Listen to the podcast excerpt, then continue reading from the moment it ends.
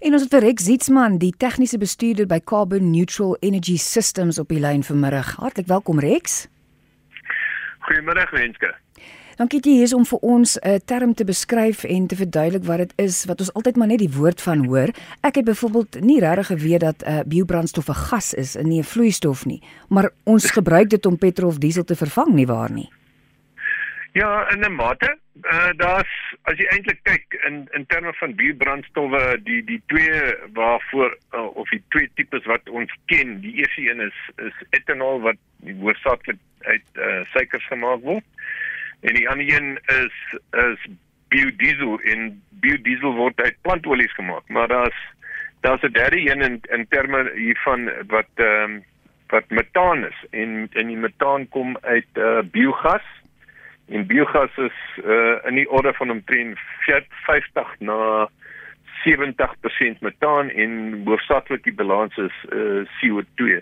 So dat en as jy daai metaan vat, hy ehm um, en jy verrykom, hy's hy kan die plek vat van aardgas byvoorbeeld. Dis interessant. Uh so drie van hulle, 'n vierde afdeling?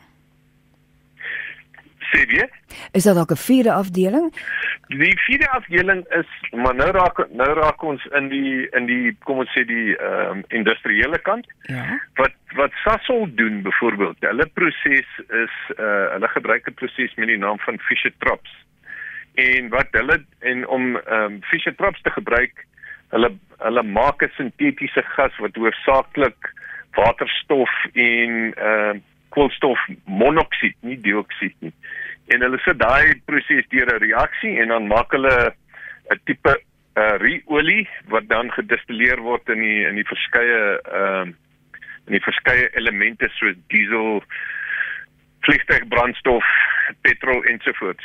En uh die as as ons dit in daai rigting vat, daar's niks wat jou stop om sintetiese gas uh uit uh, biomassa te maak en daai rigting te vat behalwe dat uh die proses is redelik duur en is nie 'n ding wat jy maklik by die huis sal doen nie tensy jy baie geld het. Ek is seker daarvan. So die biomassa, dit is 'n interessante term die ons gaan nou-nou 'n bietjie meer daaroor uitbrei of vir jou vra dat jy daaroor kan uitbrei vir ons. Maar ek wil net gou by jou weet wat was die eerste probeerslag om biobrandstof te maak nou deur die tyd toe mense nou begin het daarmee? Die maklikste een seker is uh is is suikers is uh is om etanol uit suikers te maak want uh jy vat jy vat uh byvoorbeeld suiker wat uit suikerriet kom en jy fermenteer hom met uh gis en wat jy daar maak is in daai vloeistof kan jy dan distilleer om etanol te maak en das das ek het dit selfs al hier op die op die plaas al gedoen 'n klein distillasiekolom ensovoorts maar dit is nie is nie maklik vir uh op klein skaal nie. Ja. Uh die tweede een uh Kan jy net vir die etanol wa waarvoor ja. gebruik 'n mens die etanol of waarvoor jy, word dit gebruik? Jy meng dit jy meng dit saam met petrol. Oh. So dit dit vervang 'n gedeelte van die petrol. Ek sien. So okay. Die ander een natuurlik is biodiesel en dit daar gebruik jy plantolies. Uh so sonnebloemolie ensovoorts, maar die die die beste bron of die die die bron wat uh die meeste gebruik word is is ou olie uit restaurante uit. En daar kan jy jy kan 'n klein stelsel uh by die huis opsit en jou eie biodiesel maak en net soos die die etanol met die petrol jy jy uh meng die die biodiesel met gewone diesel. Is dit nou iets wat jy by jou huis kan doen? Dit dit kan jy definitief Nie gevaarlik nie. Nee, nie gevaarlik. Maar jy moet weet wat jy doen, seker jy moet weet hoeveel om om weg te vat en hoeveel om by te voeg by die diesel. Sonder twyfel, maar jy kan op YouTube kan kyk byvoorbeeld en en jy kan jou eie stelsel bou of, of en jy kan selfs ek ek weet daar's mense in die Kaap byvoorbeeld wat ehm uh, klein ehm um, klein stukke toerusting ehm um, verkoop wat wat op huishoudelike skaal gebruik kan word. Dis baie interessant. Nou so vir 'n hoe sal hulle sê 'n sideline, so ekstra inkomste. Ja, as jy die olie kan kry. as jy, en as jy en ja. as jy olieprys wat waarvoor jy betaal dit uh, ekonomies maak ja. Natuurlik, ja. Goed, so dit was dan die plantolies en dan die etanol het ons oor gepraat en dan nog. OK, biogas. Mm. Biogas is die maklike ding van biogas is dat dit dit dis basies die vertering van uh materiaal. Dit sê en en by materiaal bedoel ek is nie net biomassa nie. Dit is ook afval ensovoort ensovoort en en al wat jy doen is jy jy maak daai vertering in 'n uh, uh 'n 'n stuk toerusting waar daar nie suurstof kan inkom nie.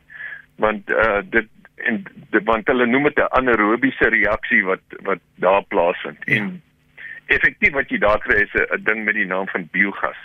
Maar die die element wat daarin is wat uh van belang is is metaan.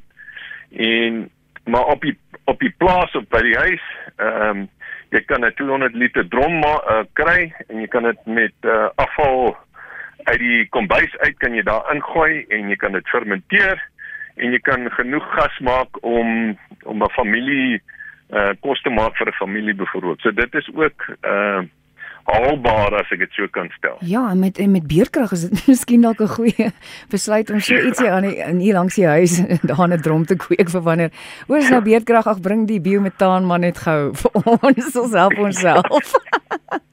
ja. Saamgeperste biometaan uh, kan dit direk in in petrol engines gebruik word.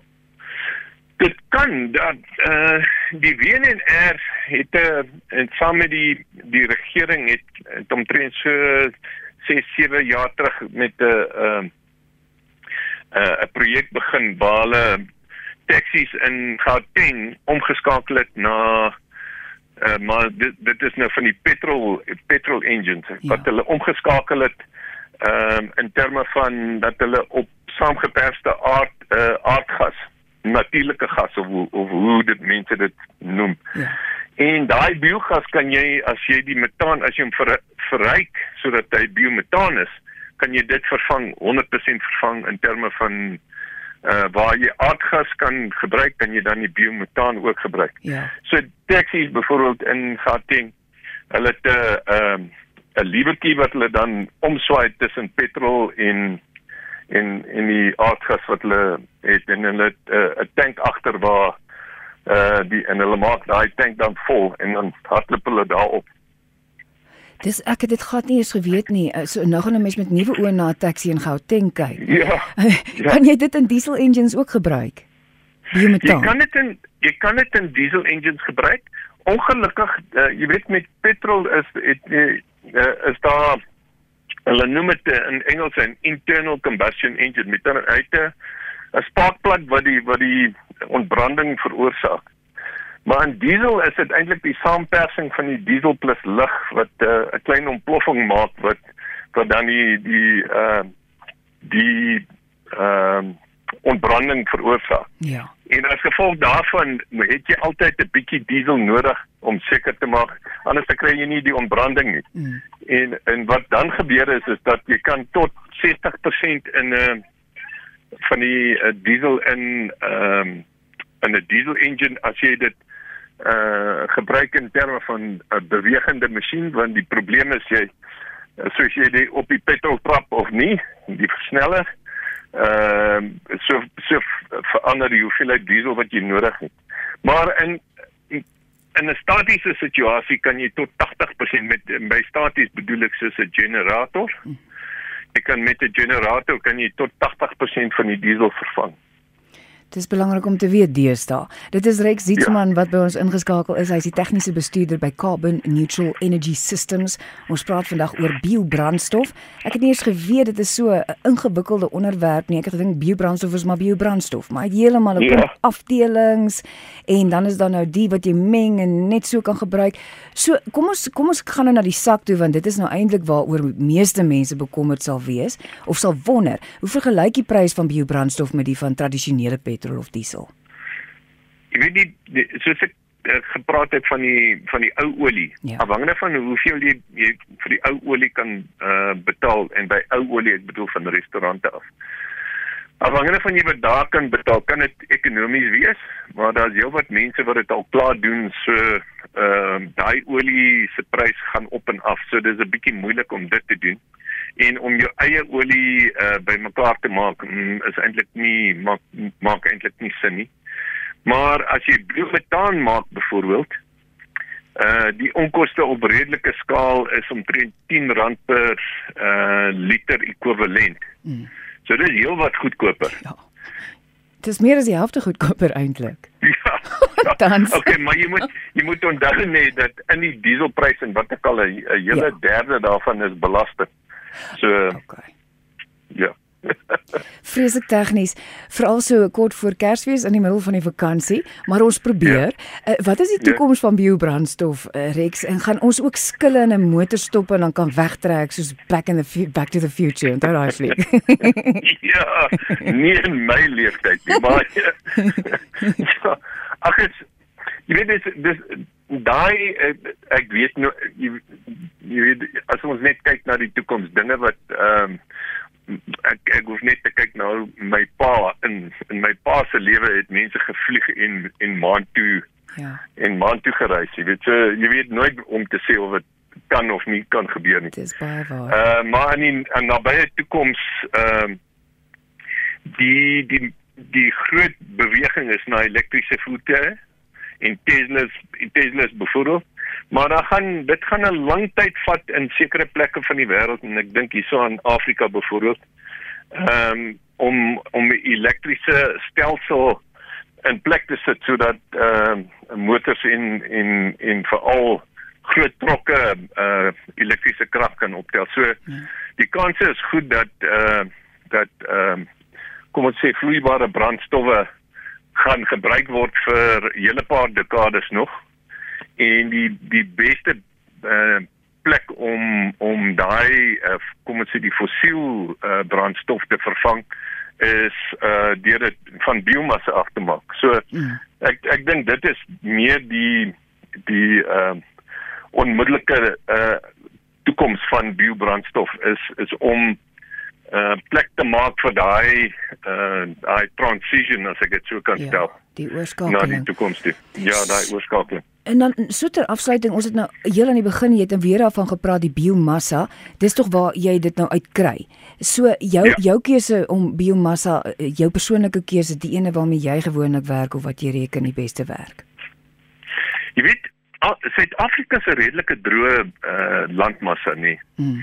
En die laaste ding wat jy wil jy, die die biomassa wat ons wat ons gekies het is, die laaste ding wat jy wil doen is om in 'n kompetisie te raak met uh om grond te gebruik wat wat uh byvoorbeeld mielies kan groei. So ons het gekyk en en Tuxvy is het, alhoewel dit snaaks is. Tuxvy is 'n is 'n baie dis 'n uh hy's 'n woestynplant. So hy's is ehm ehm droogte uh, hy kan die droogte hanteer en hy hy presteer veral in daai reënvalgebied net onderkant die van, waar daar net nie genoeg reën is vir byvoorbeeld mielies. En in daai gebied presteer hy baie goed. Sy opbrengs is is geweldig.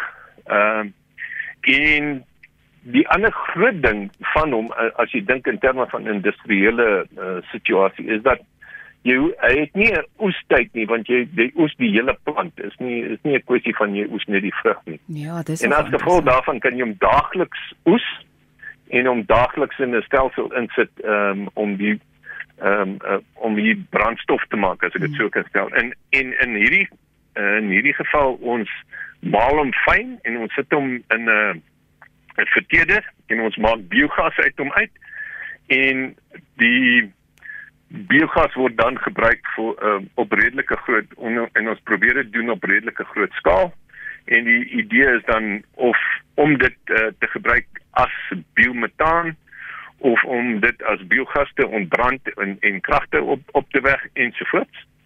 Ehm um, en die water, as jy ons net kyk na die ander voordele wat dit het, die water wat uit die verteerder uitkom, want dit die die plant, die die blaaie van die tersy is omtrent 90% water. Ja.